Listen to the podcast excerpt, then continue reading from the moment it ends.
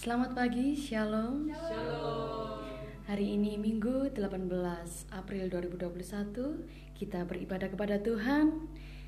Ya, memang layaklah Tuhan dipuji dan disembah. Dialah Yesus Tuhan yang mulia namanya. Dia sanggup melakukan segala perkara yang besar. Amin. Kita naikkan dia yaitu Yesus sanggup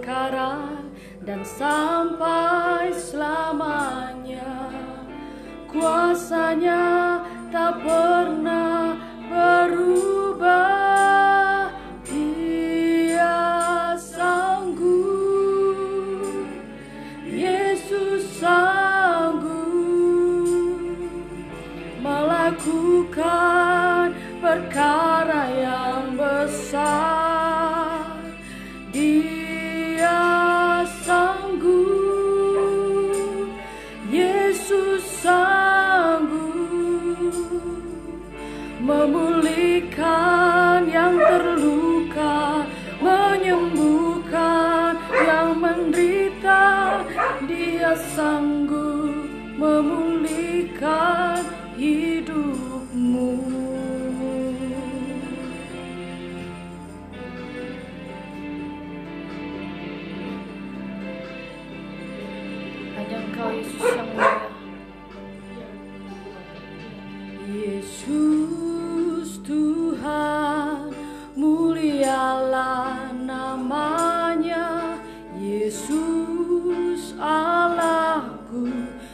besar kuasanya. Dahulu sekarang dan sampai selamanya. Kuasanya tak pernah berubah. Dia sanggup. Yesus sanggup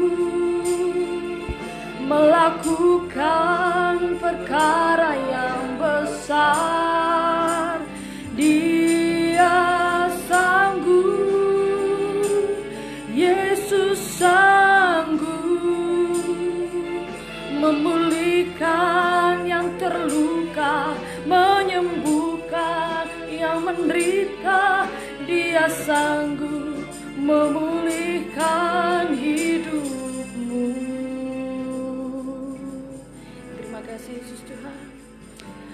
Kepada Bapak Pendeta Jeff Tari, dipersilakan untuk memimpin ibadah di dalam doa. Ya jemaat Tuhan yang terkasih, kita datang dari hadirat Tuhan merendahkan hati dan kita memuji menyembah Allah kita dalam Yesus Kristus di dalam ibadah kita di pagi hari ini. Mari kita berdoa. Bapa kami di surga, terpujilah namamu di dalam kemuliaanmu dalam Yesus Kristus Tuhan kami dan roh kudusmu yang selalu ada di, di tengah kami menyertai kami menyatakan kuasa kebenaran firmanmu di tengah kami sehingga kami selalu tunduk kepada Tuhan. Kami terus mengasihi Tuhan dan terus beribadah memuji memuliakan namamu sepanjang umur hidup kami di dunia. Maka berkati ibadah kami di hari ini ya Bapa. Turunlah anugerah Tuhan dari surga dalam Yesus Kristus menyertai kami dalam ibadah ini dari awal sampai pertengahan sampai pada akhirnya di terjadi dalam nama Tuhan Yesus Kristus. Haleluya. Amin.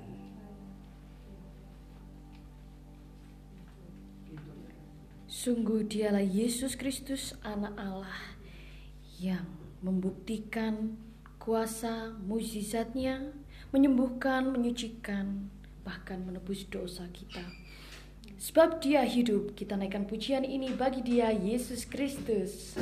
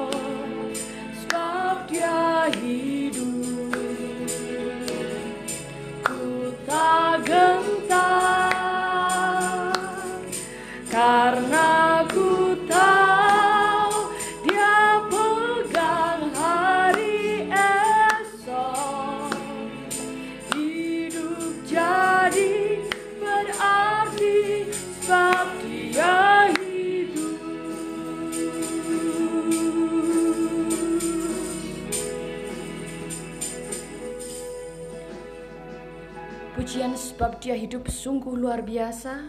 Demikianlah indahnya kuasa Yesus Kristus kita yang begitu dahsyat. Amin. Kita bangkit berdiri, kita naikkan pujian bagi Dia, Yesusku dahsyat.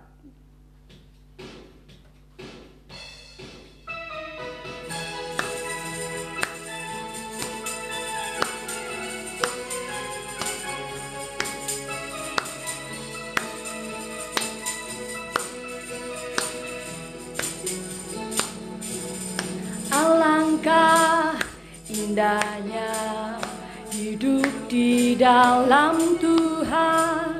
Dia mencurahkan berkat yang melimpah.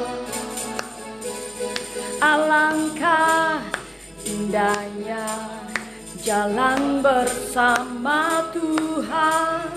Dia memberikan kuasa untuk menang Alangkah indahnya hidup di dalam Tuhan. Dia mencurahkan berkat yang melimpah. Alangkah indahnya jalan bersama Tuhan. Dia memberikan kuasa untuk menang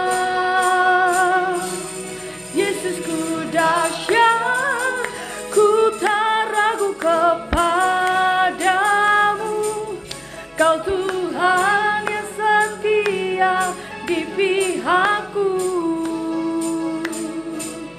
Yesusku dahsyat tak terbendung kuasamu. Kau yang terhebat terbesar bagiku. Yesusku dahsyat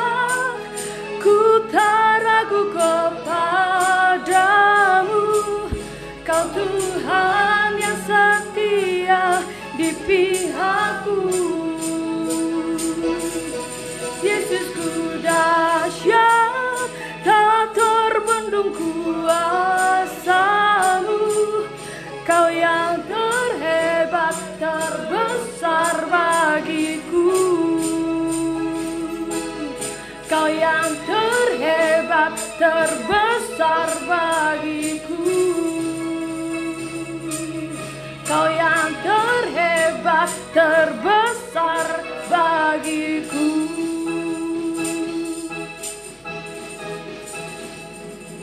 Saudara-saudara dipersilakan untuk duduk kembali. Tiba waktunya bagi saudara yang ingin memberikan kesaksian, dipersilahkan. Ya, jika belum ada, mari kita melanjutkan dengan membaca kitab Yesaya pasal 33 ayat 1 hingga 24.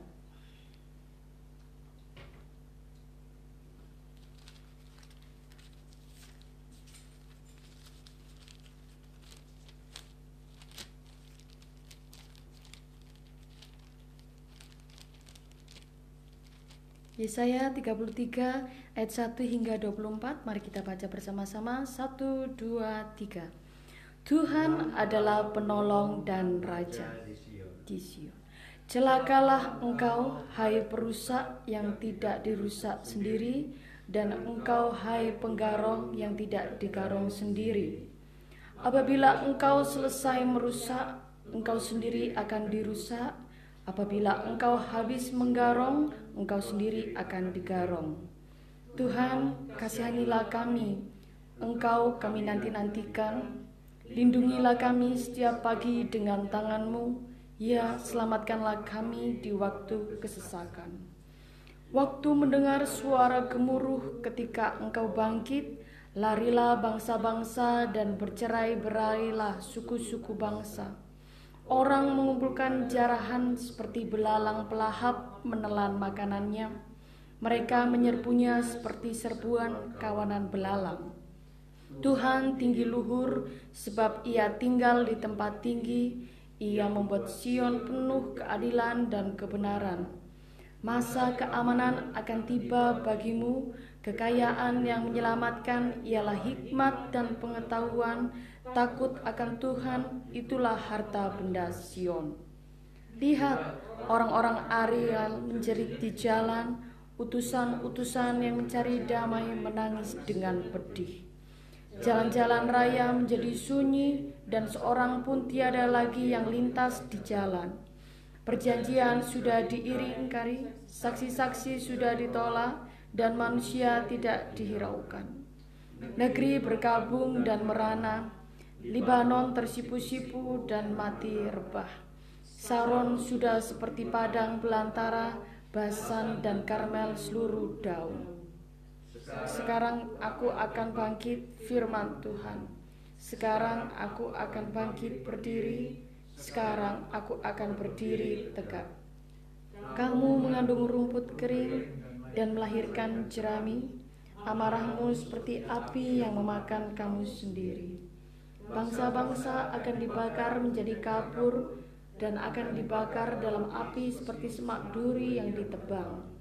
Hai orang-orang yang jauh, dengarlah apa yang telah kulakukan. Hai orang-orang yang dekat, ketahuilah keperkasaanku. Orang-orang yang berdosa terkejut di Sion, orang-orang murtad diliputi kegentaran.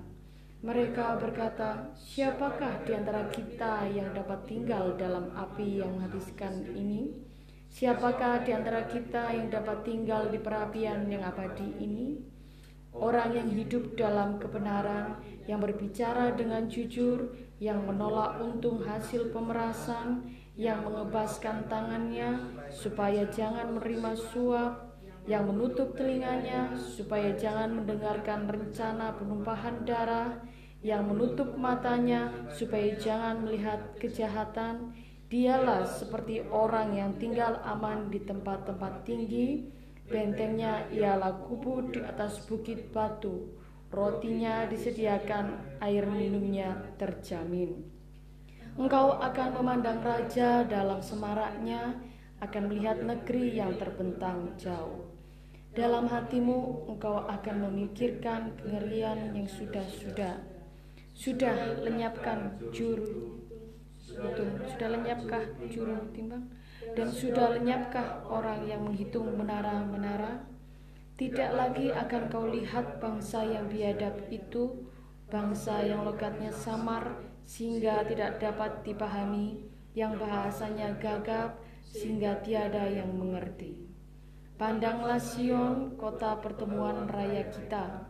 Matamu akan melihat Yerusalem, tempat kediaman yang aman, kemah yang tidak berpindah-pindah, yang patoknya tidak dicabut untuk seterusnya, dan semua talinya tidak akan putus. Di situ kita akan melihat betapa mulia Tuhan kita, seperti tempat yang penuh sungai dan aliran yang lebar, perahu dayung tidak melaluinya, dan kapal besar tidak menyeberanginya. Sebab Tuhan ialah hakim kita, Tuhan ialah yang memberi hukum bagi kita, Tuhan ialah raja kita, Dia akan menyelamatkan kita.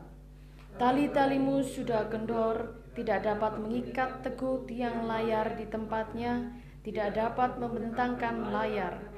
Pada waktu itu orang akan membagi-bagi rampasan banyak-banyak dan orang-orang lumpuh akan menjarah-jarahan. Tidak seorang pun yang tinggal di situ akan berkata, "Aku sakit," dan semua penduduknya akan diampuni kesalahannya. Demikian pembacaan kitab Yesaya pasal 33. Selanjutnya mari kita menyiapkan hati kita untuk mendengarkan firman Tuhan dengan pujian Allah kuasa melakukan segala perkara mengiringi untuk menyambut firman Tuhan.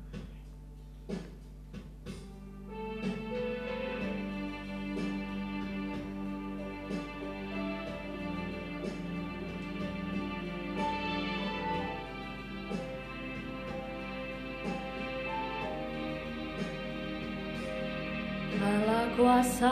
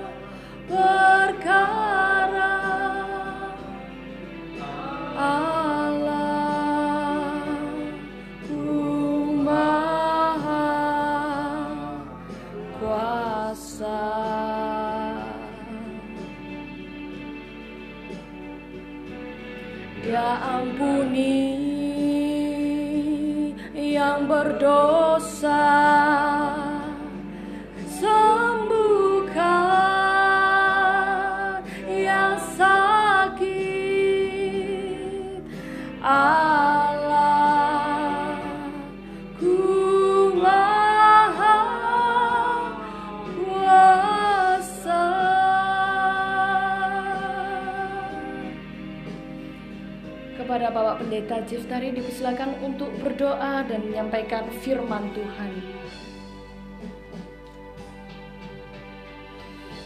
Ya, kita akan mendengarkan firman Tuhan lagi di pagi hari ini. Mari kita merendahkan hati kita, mengangkat hati kita kepada Tuhan kita Yesus Kristus yang memberi firman-Nya, kuasanya kepada kita. Haleluya. Kita berdoa, kami bersyukur ada di hadirat Tuhan di pagi hari ini di dalam persekutuan dengan dikau ya Allah kami Bapa dalam Kristus Yesus dan Roh Kudus di dalam suatu permusyawaratan di mana Allah memanggil kami untuk ada di dalam suatu uh, persekutuan untuk membicarakan tentang keselamatan, membicarakan tentang uh, kuasa Tuhan, kuasa Roh Kudus di muka bumi, supaya itu dinyatakan.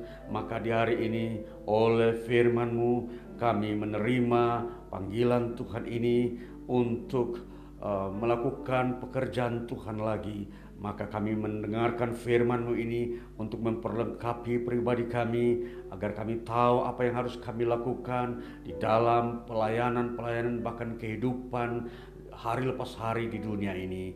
Itulah sebabnya biarlah roh kudusmu ya Bapa kerja di tengah kami, memberkati dan melawat kami sehingga kami juga uh, dimampukan untuk menerima hikmat dan pewahyuan Tuhan melalui firman-Mu ini. Terpujilah Bapa dalam Yesus Kristus. Kami berdoa dan bersyukur. Haleluya. Amin. Ya mari baik saudara-saudara yang terkasih dalam Tuhan Yesus Kristus. Kita akan membuka firman Tuhan dari Alkitab Injil Yohanes pasal yang ke-15. Injil Yohanes pasal yang ke-15 pasal yang ke-16 maksudnya ayat yang ke-4b sampai dengan ayat 15 dan nanti bagian yang kedua kita membaca uh, diperlengkapi dengan kitab Galatia pasal yang ke-6 ayatnya yang ke-8 kita akan memperhatikan dulu Injil Yohanes pasal 16 ayat 4b sampai dengan seterusnya.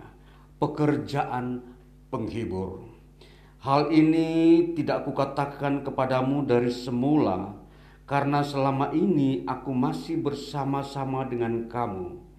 Tetapi sekarang aku pergi kepada Dia yang telah mengutus aku, dan tiada seorang pun di antara kamu yang bertanya kepadaku, "Ke mana engkau pergi?" Tetapi karena aku mengatakan hal itu kepadamu, sebab itu hatimu berduka cita. Namun benar yang kukatakan ini kepadamu adalah lebih berguna bagi kamu jika aku pergi. Sebab jikalau aku tidak pergi, penghibur itu tidak akan datang kepadamu. Tetapi jikalau aku pergi, aku akan mengutus dia kepadamu. Dan kalau ia datang, ia akan menginsafkan dunia akan dosa, kebenaran, dan penghakiman. Akan dosa karena mereka tetap tidak percaya kepadaku. Akan kebenaran karena aku pergi kepada Bapa dan kamu tidak melihat aku lagi. Akan penghakiman karena penguasa dunia ini telah dihukum. Masih banyak hal yang harus kukatakan kepadamu, tetapi sekarang kamu belum dapat menanggungnya. Tetapi apabila ia datang, yaitu roh kebenaran, ia akan memimpin kamu ke dalam seluruh kebenaran. Sebab ia tidak akan berkata-kata dari dirinya sendiri, tetapi segala sesuatu yang didengarnya, itulah yang akan dikatakannya, dan ia akan memberitakan kepadamu hal-hal yang akan datang. Ia akan memuliakan aku, sebab ia akan memberitakan kepadamu apa yang diterimanya daripadaku. Segala sesuatu yang Bapa punya adalah aku punya, sebab itu aku berkata, ia akan memberitakan kepadamu apa yang diterimanya daripadaku. Demikian dari bagian ini, kita akan lanjut di bagian Galatia pasal 6 ayat 8 Sebab barang siapa menabur dalam dagingnya, ia akan menuai kebinasaan dari dagingnya. Tetapi barang siapa menabur dalam roh, ia akan menuai hidup yang kekal dari roh itu. Ya, kita sudah mendengarkan firman Tuhan dari dua bagian ini. Kita mau melihat uh, tema daripada firman Tuhan ini adalah iman Kristen dan Roh Kudus. Saudaraku yang terkasih, dalam penanggalan uh, gereja bahwa ini adalah hari-hari di mana Kristus memperlihatkan dirinya kepada murid-muridnya dari uh, peristiwa kebangkitannya dari antara orang mati. Jadi memang uh, di dalam tahun gerejawi ini uh, memang uh, mendapat sebuah uh, fokus atau sorotan kita bahwa bagaimana Kristus menyatakan diri menyatakan dirinya ya kepada murid-muridnya tentang kebangkitannya. Nah, di dalam Injil Yohanes pasal 16 di sini uh, suatu uh, katakanlah sebuah uh, penjelasan Tuhan Yesus ya sebelum dia mati bagaimana uh, Roh Kudus itu akan hadir di bumi ini. Ya, jadi di dalam Injil Yohanes pasal 16 ini ini uh, berisikan tentang uh, kehadiran Roh Kudus atau dengan dengan kata lain uh, pekerjaan Roh Kudus di tengah-tengah orang percaya menggantikan Kristus Yesus. Jadi di sini uh, sebuah uh, penjelasan Tuhan Yesus ya tentang pribadi Roh Kudus ini yang memang nanti akan melanjutkan pekerjaan Yesus Kristus setelah dia bangkit dan dia naik ke surga. Nah, jadi uh, hal-hal uh, ini adalah hal yang memang uh, perlu diketahui oleh murid-murid Tuhan dan akan lebih jauh lagi diketahui oleh uh, gereja Tuhan di muka bumi ini bahwa Roh Kudus itu ada di bumi ini suatu pribadi Allah yang ketiga yang akan melanjutkan pekerjaan Kristus yaitu pekerjaan keselamatan yang di dalamnya uh, terkandung pekerjaan pengampunan dosa. Nah, saudaraku yang terkasih, jadi tema kita di sini adalah iman Kristen dan Roh Kudus. Tentunya kita harus uh, uh, membawa uh, pemahaman iman kita bahwa iman kita ternyata bukan berhenti di dalam pribadi Yesus Kristus. Jadi Yesus Kristus sendiri sudah membuka jalan kepada kita bahwa ketika ia pergi ke surga, ia akan mengutus uh, rohnya yang disebut penghibur untuk uh, ada di tengah-tengah orang-orang percaya. Dan teristimewa di dalam uh, karyanya Roh Kudus ini sudah dijelaskan di situ bahwa ia akan menginsafkan dunia tentang dosa. Jadi uh, di sini sudah uh, di, dijelaskan oleh Yesus Kristus tentang nanti apa yang dikerjakan oleh Roh Kudus ini.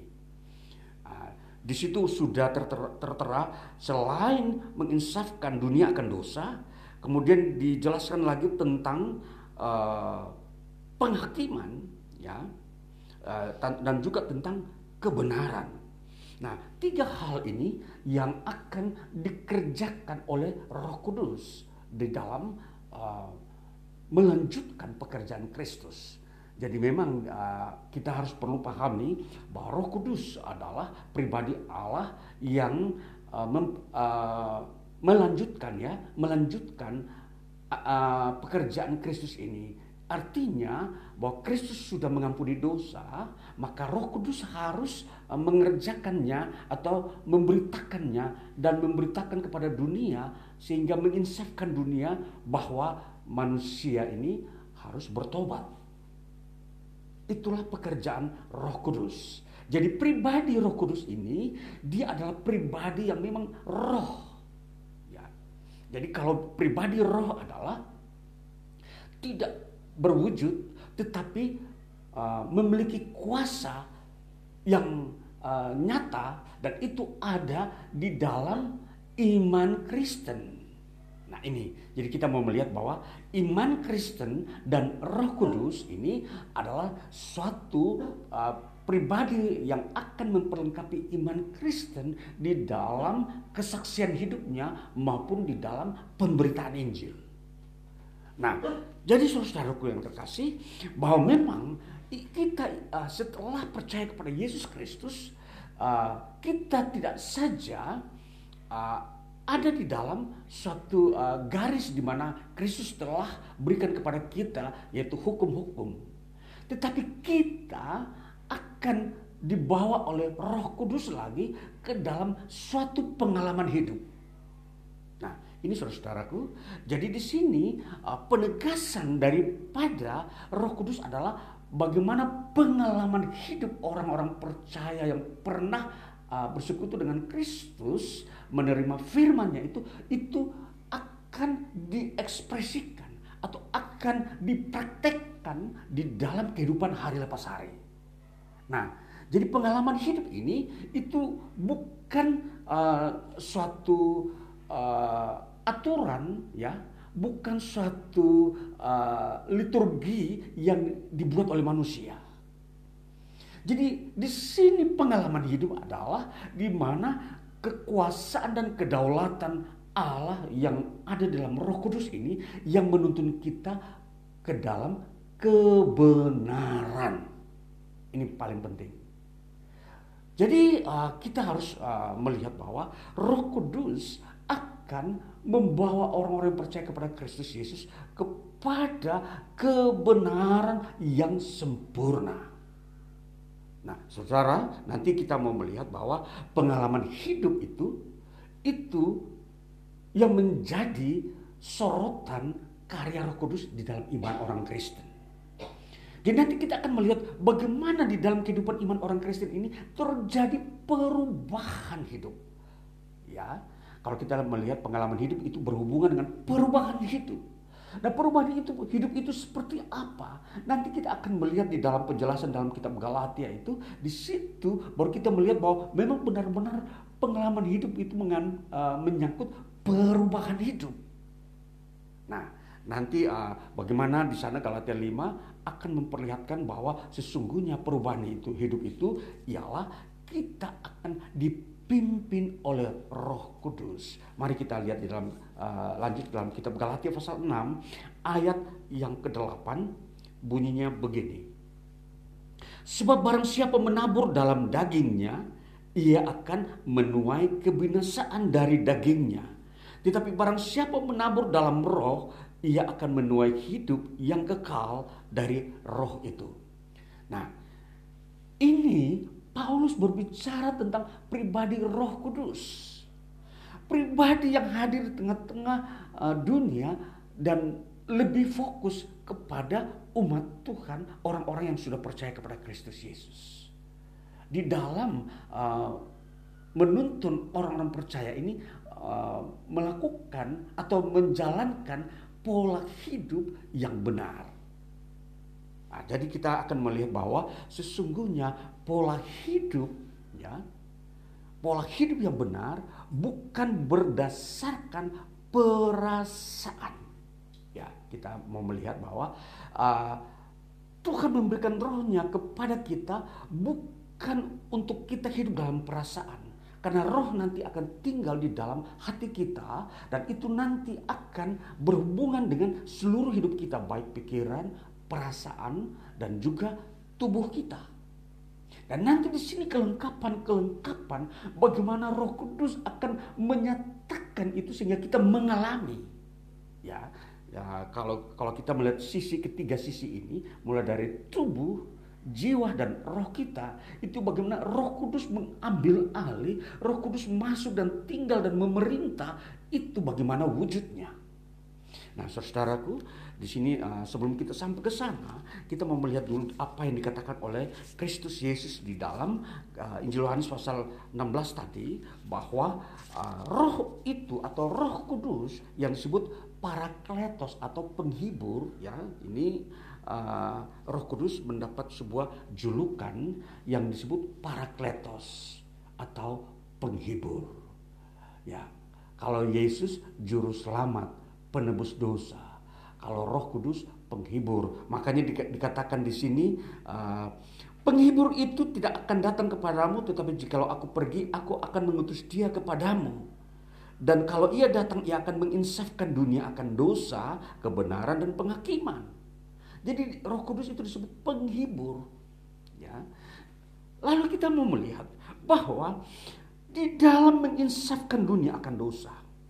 Di sini uh, Roh Kudus akan uh, hadir atau akan berhadapan dengan manusia, akan berbicara kepada uh, akal dan perasaannya, perasaan manusia bahwa kamu memang benar-benar orang berdosa dan dosamu itu kelihatan jelas dan dapat dimengerti.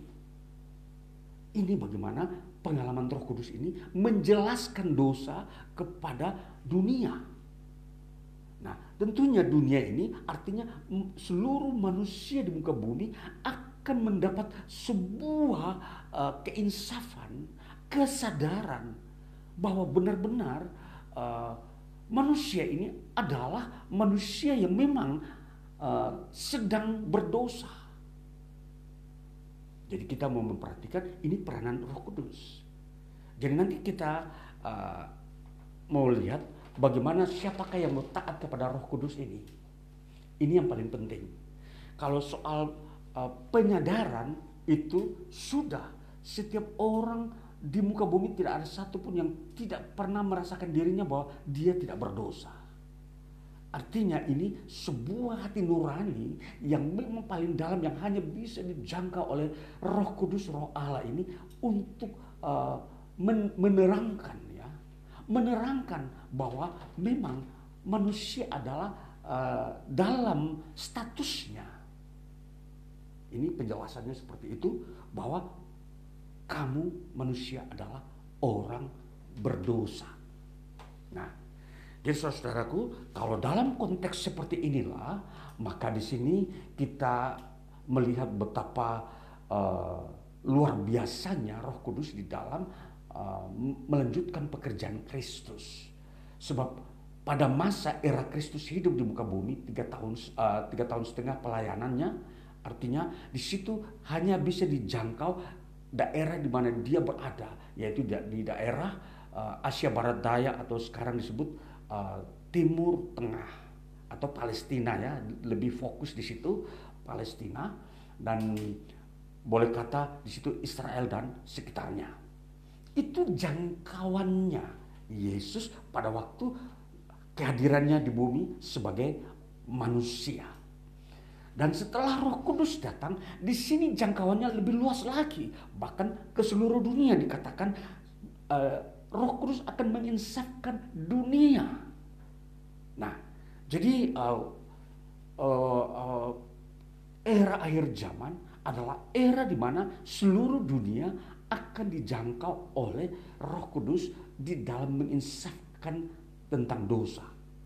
Itu pekerjaan Roh Kudus. Lalu dikatakan lagi tentang pekerjaan Roh Kudus dan dia juga menginsafkan dunia akan dosa juga kebenaran. Jadi bagaimana kebenaran itu bisa ditemukan oleh manusia adalah karya Roh Kudus.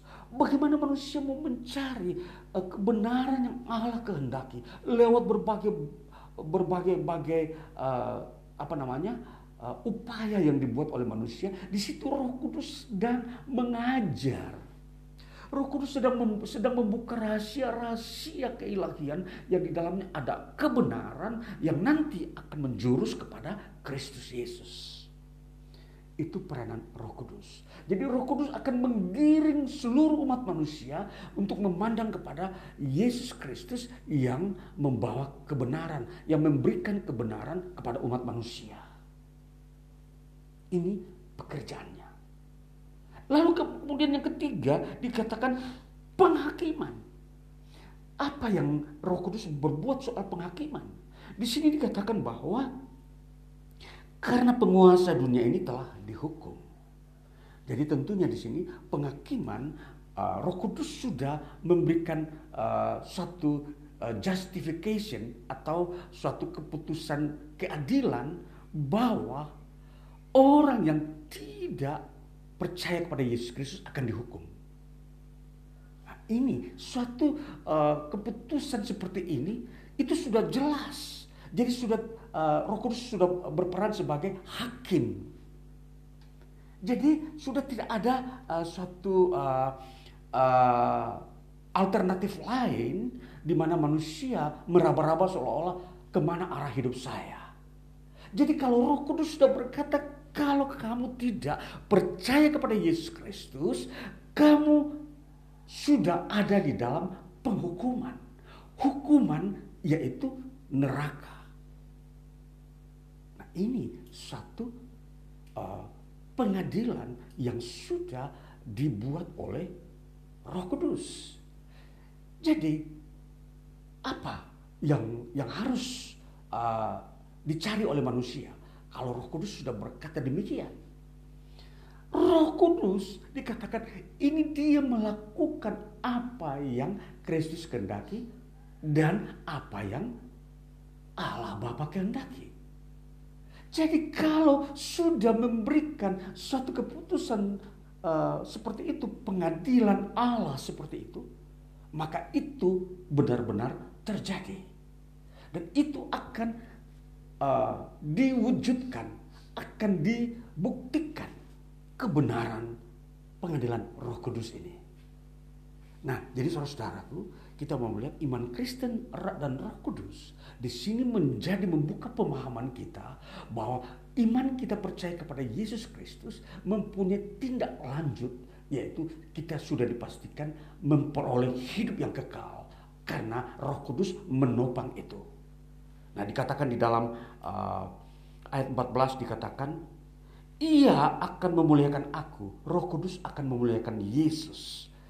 Kemudian sebab ia akan memberitakan kepadamu apa yang diterimanya daripadaku. Segala sesuatu yang Bapa punya adalah aku punya. Sebab itu aku berkata ia akan memberitakan kepadamu apa yang diterimanya daripadaku. Dia akan memberitakan apa? Dia akan memberitakan tentang keputusan pengadilan Allah soal keselamatan dan soal penghukuman. Jadi di sini apa yang kita imani, percayai, yang kita uh, sembah dan muliakan Allah Tritunggal, Allah Bapa, Allah Anak Yesus Kristus dan Allah Roh Kudus itu telah menjaminkan hidup kekal kepada kita.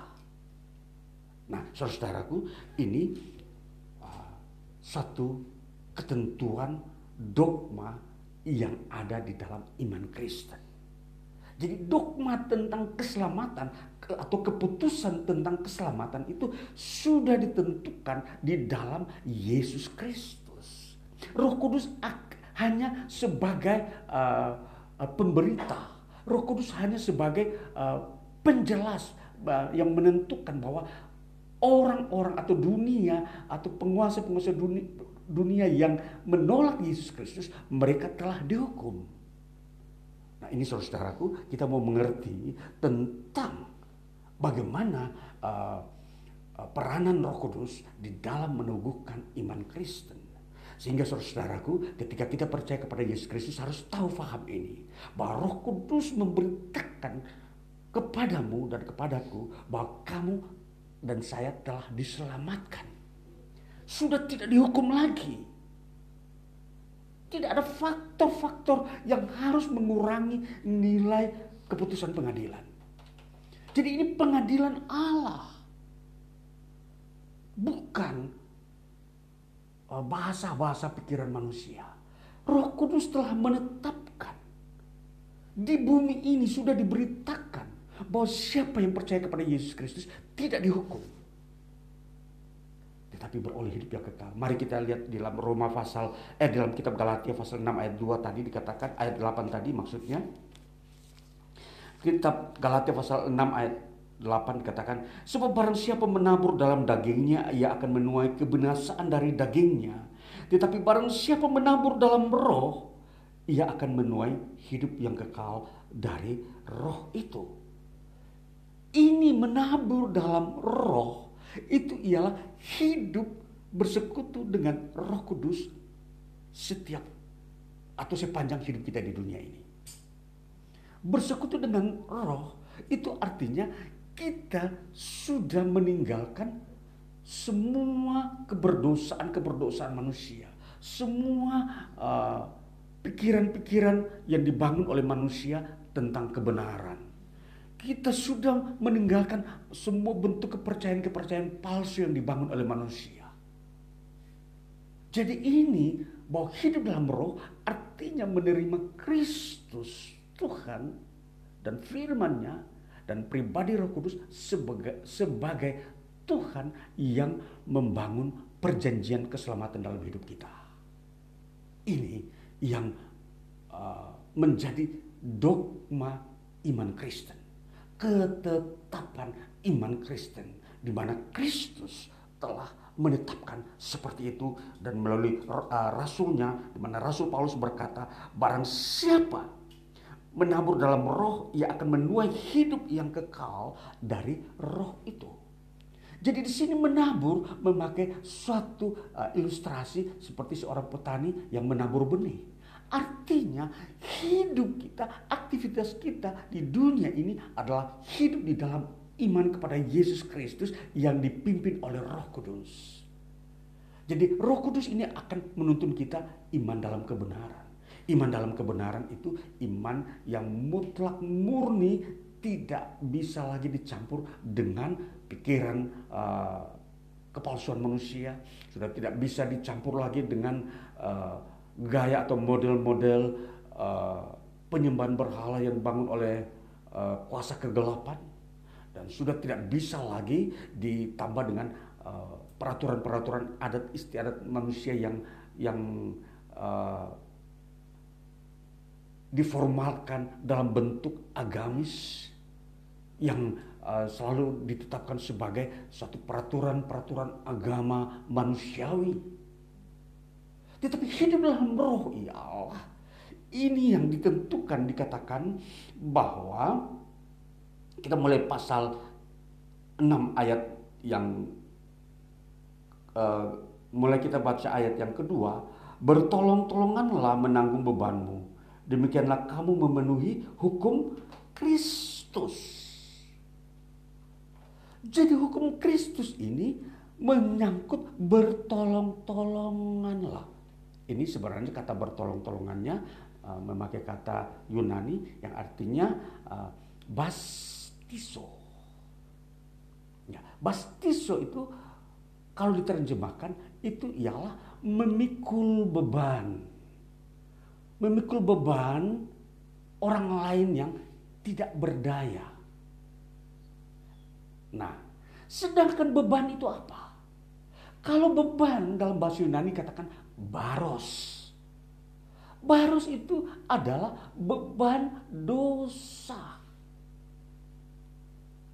Jadi karena dosa yang uh, merintangi atau yang uh, mengganjal dan yang membebani hidup manusia di dunia ini atau hidup orang percaya ini perlu di tolong. Bagaimana uh, prosedurnya?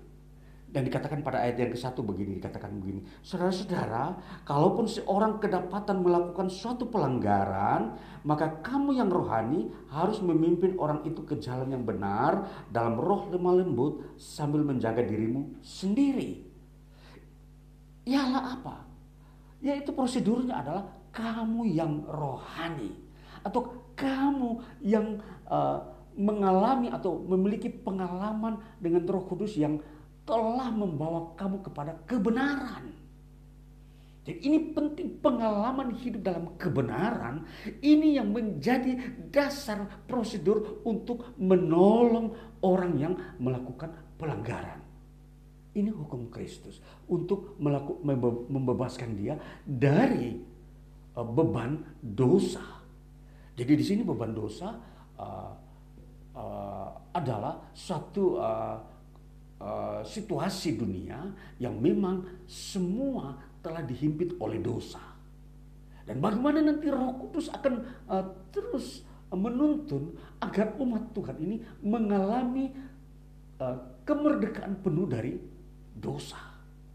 Dan da dari prosedur yang tadi sudah dikatakan, kalau hidup dalam roh, itu artinya kita hidup dalam pengalaman dengan kebenaran-kebenaran yang roh kudus ajarkan kepada kita. Yaitu di dalam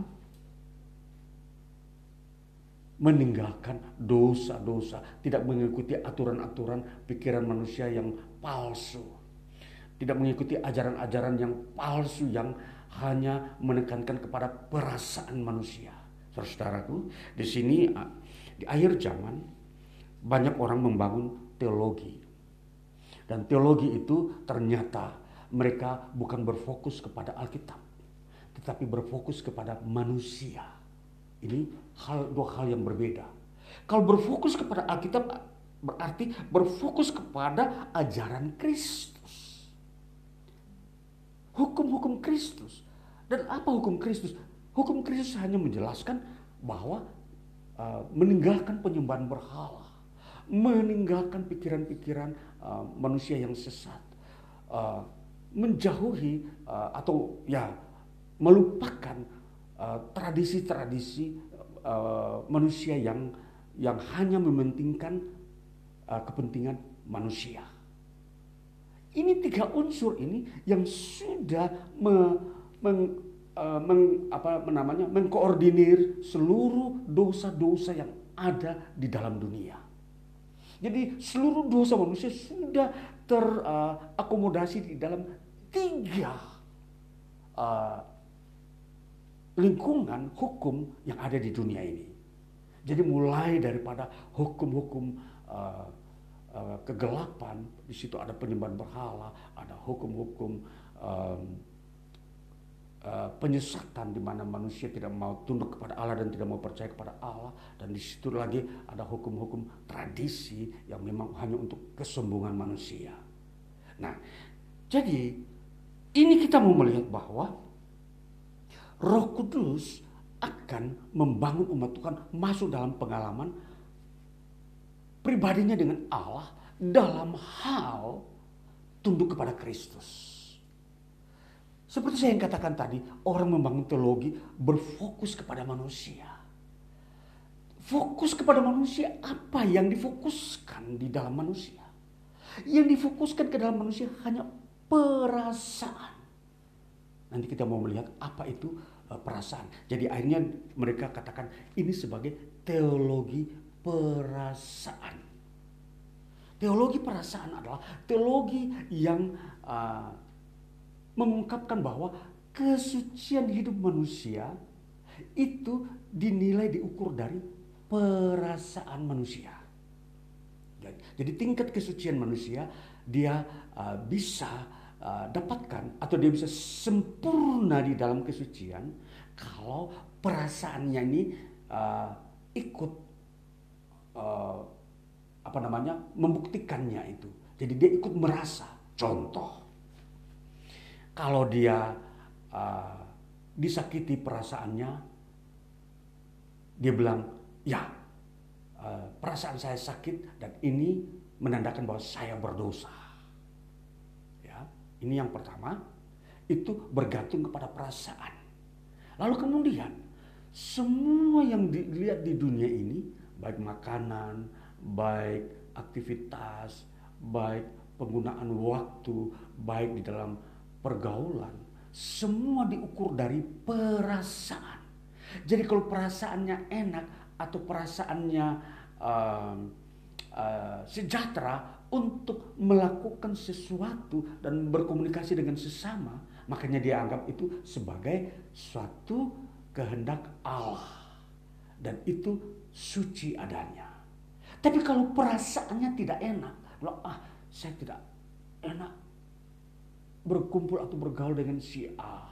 Uh, saya tidak enak masuk dalam lingkungan pekerjaan ini. Saya tidak enak tinggal di lingkungan ini.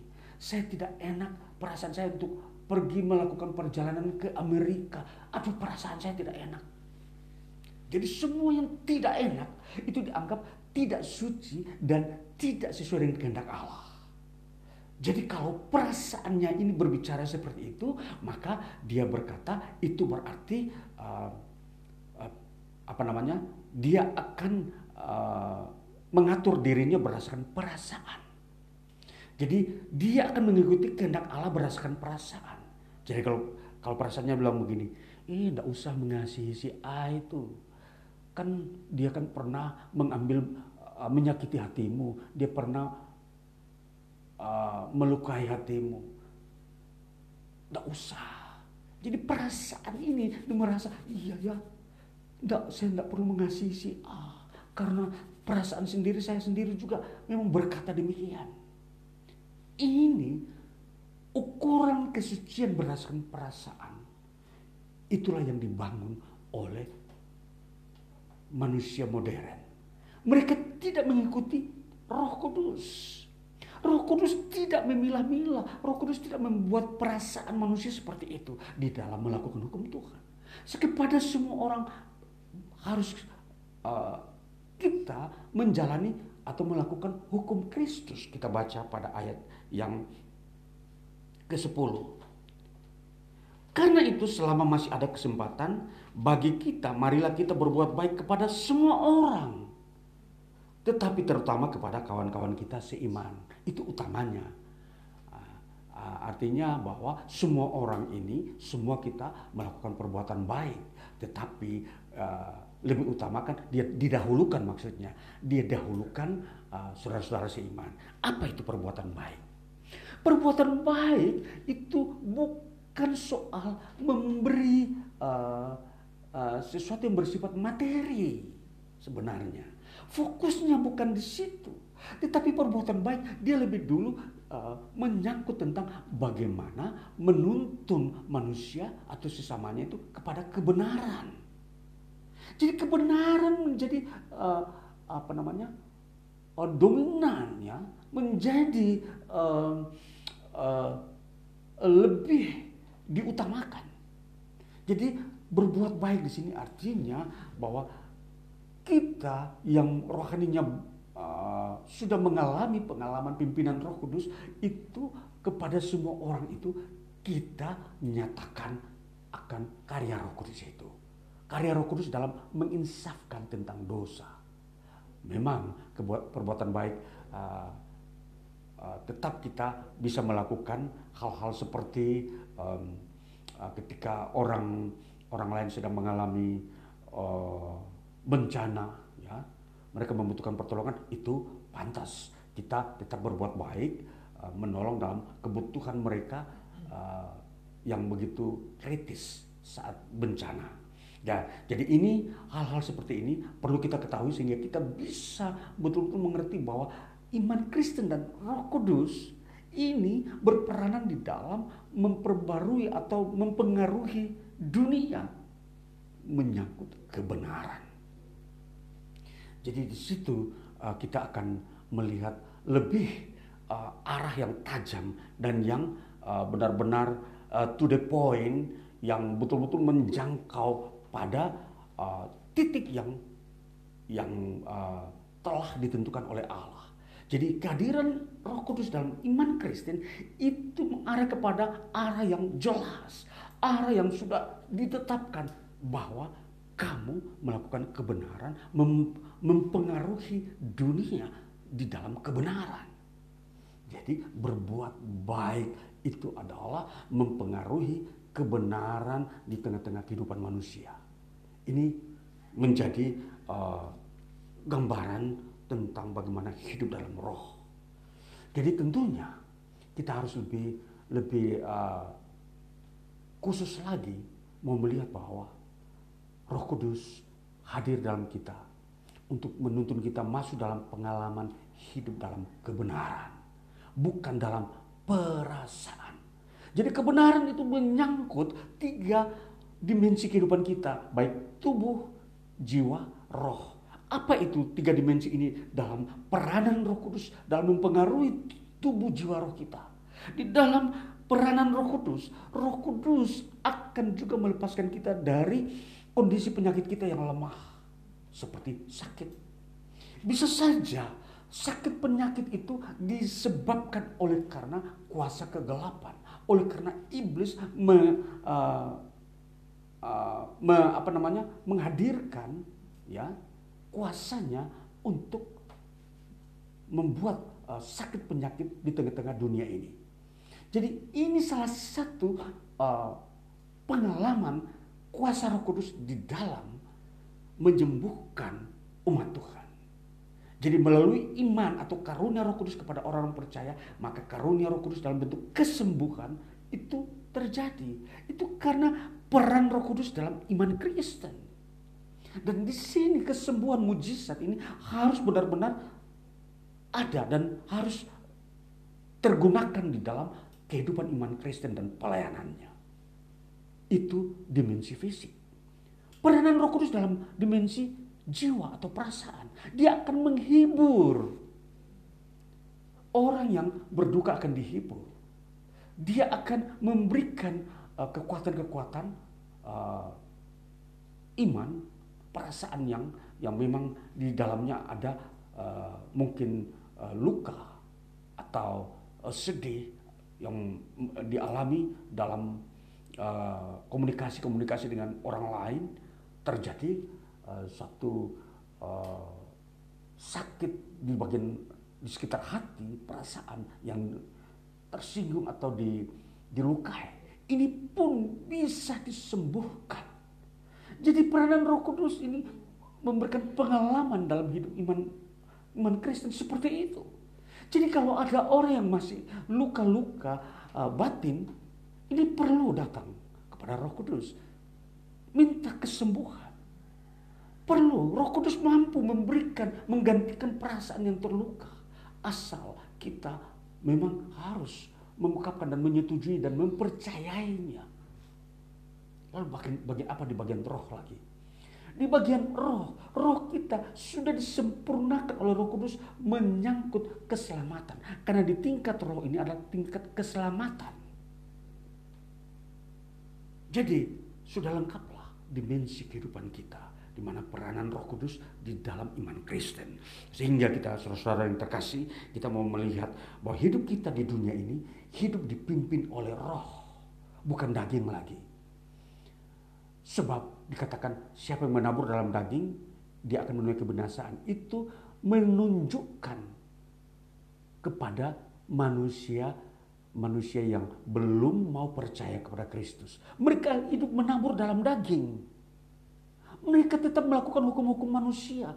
Mereka tetap hidup di dalam melakukan ajaran-ajaran uh, palsu sesat yang dibangun oleh manusia.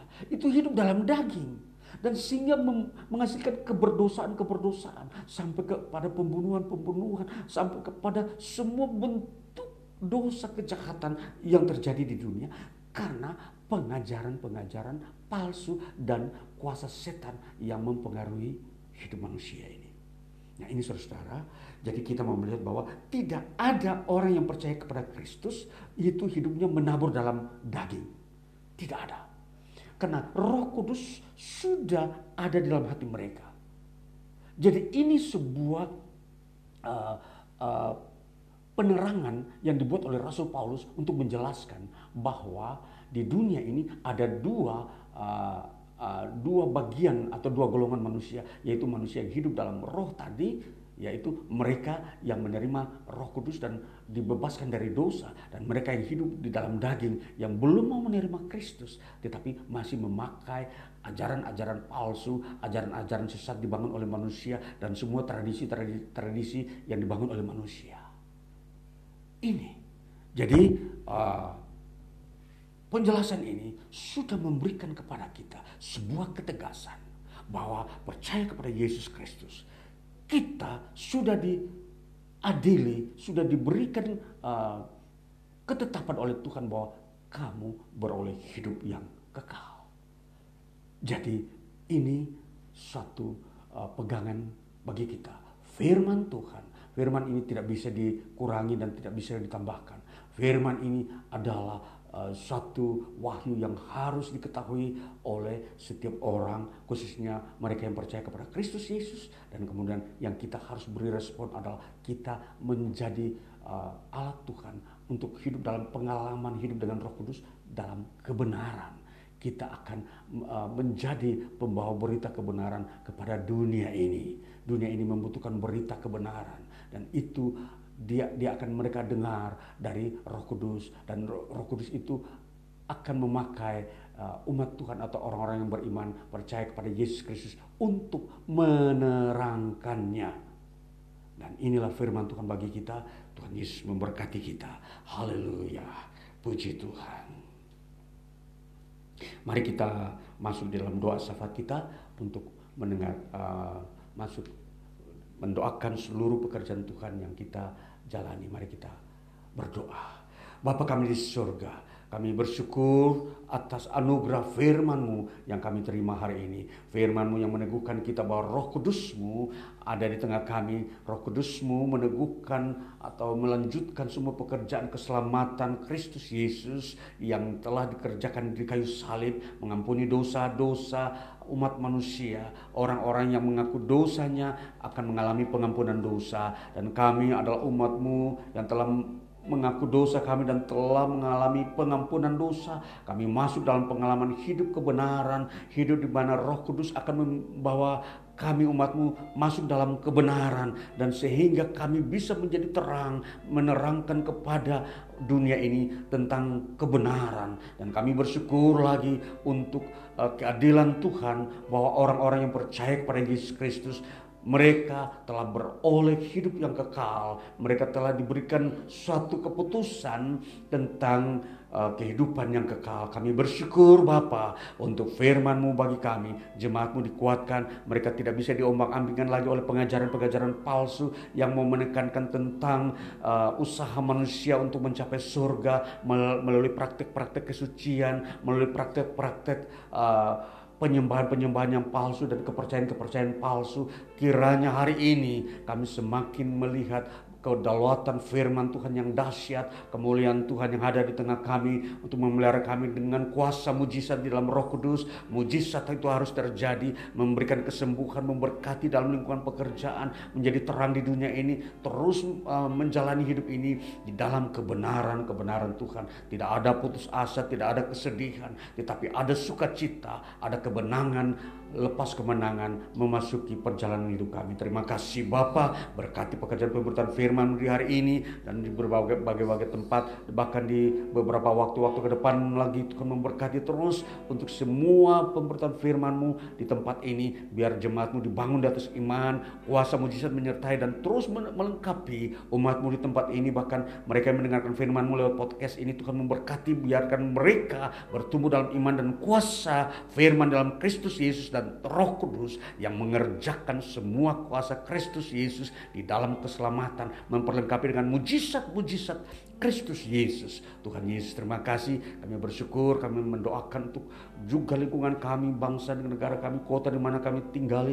Tuhan lawat dan berkati lingkungan dan masyarakat yang ada di dalamnya sehingga masyarakat uh, yang ada di sekitar kami merasakan bahwa Tuhan mengasihi mereka dan mereka akan datang kepada Tuhan dan mendengarkan firman-Mu uh, menyerahkan hidup dan percaya kepada Yesus Kristus sebagai dasar untuk memasuki atau menemukan keselamatan sesuai dengan keputusan firman-Mu. Tidak ada yang bisa melampaui firman-Mu apa yang telah Kau uh, firmankan itulah yang menjadi ukuran tertinggi. Tidak ada yang bisa melampaui firman-Mu lagi. Maka kami tunduk kepada firman-Mu saja. Itu itulah yang menjadi uh, dasar uh, hidup dan pemikiran kami kepada Yesus Kristus. Berkati, berkati lagi ya Tuhan bangsa kami sehingga bangsa kami tetap terus berjalan di dalam kuasa uh, tuntunan Tuhan yang akan membuat bangsa ini menjadi terang di masa-masa kini masa akan datang. Terus menerus bekerja kami terus tetap berdoa berkati setiap anak-anakmu yang datang hari ini semua yang bekerja berikan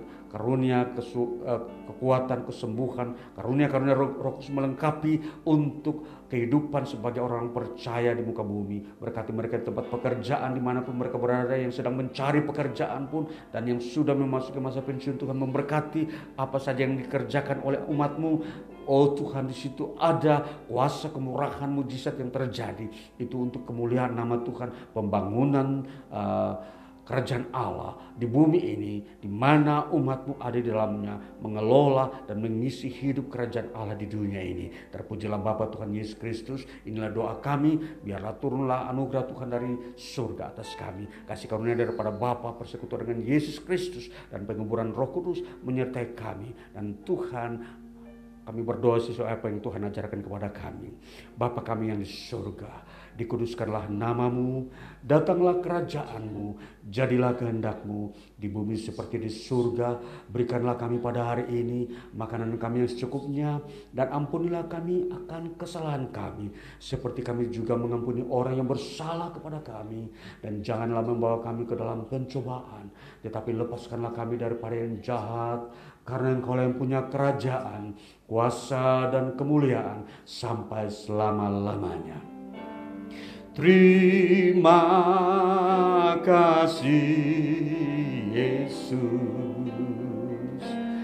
Terima kasih Yesus. Puji syukur hanya bagimu Ya Allahku, ya Tuhanku, terima kasih Yesus, terima kasih Yesus, puji syukur hanya bagimu. Terima kasih Yesus. Bapak terima kasih untuk kasih anugerahmu bagi kami umatmu di hari ini. Dalam kasih kesetiaan Kristus Yesus atas kami. Dalam nama Tuhan Yesus kami berdoa. Amin. Haleluya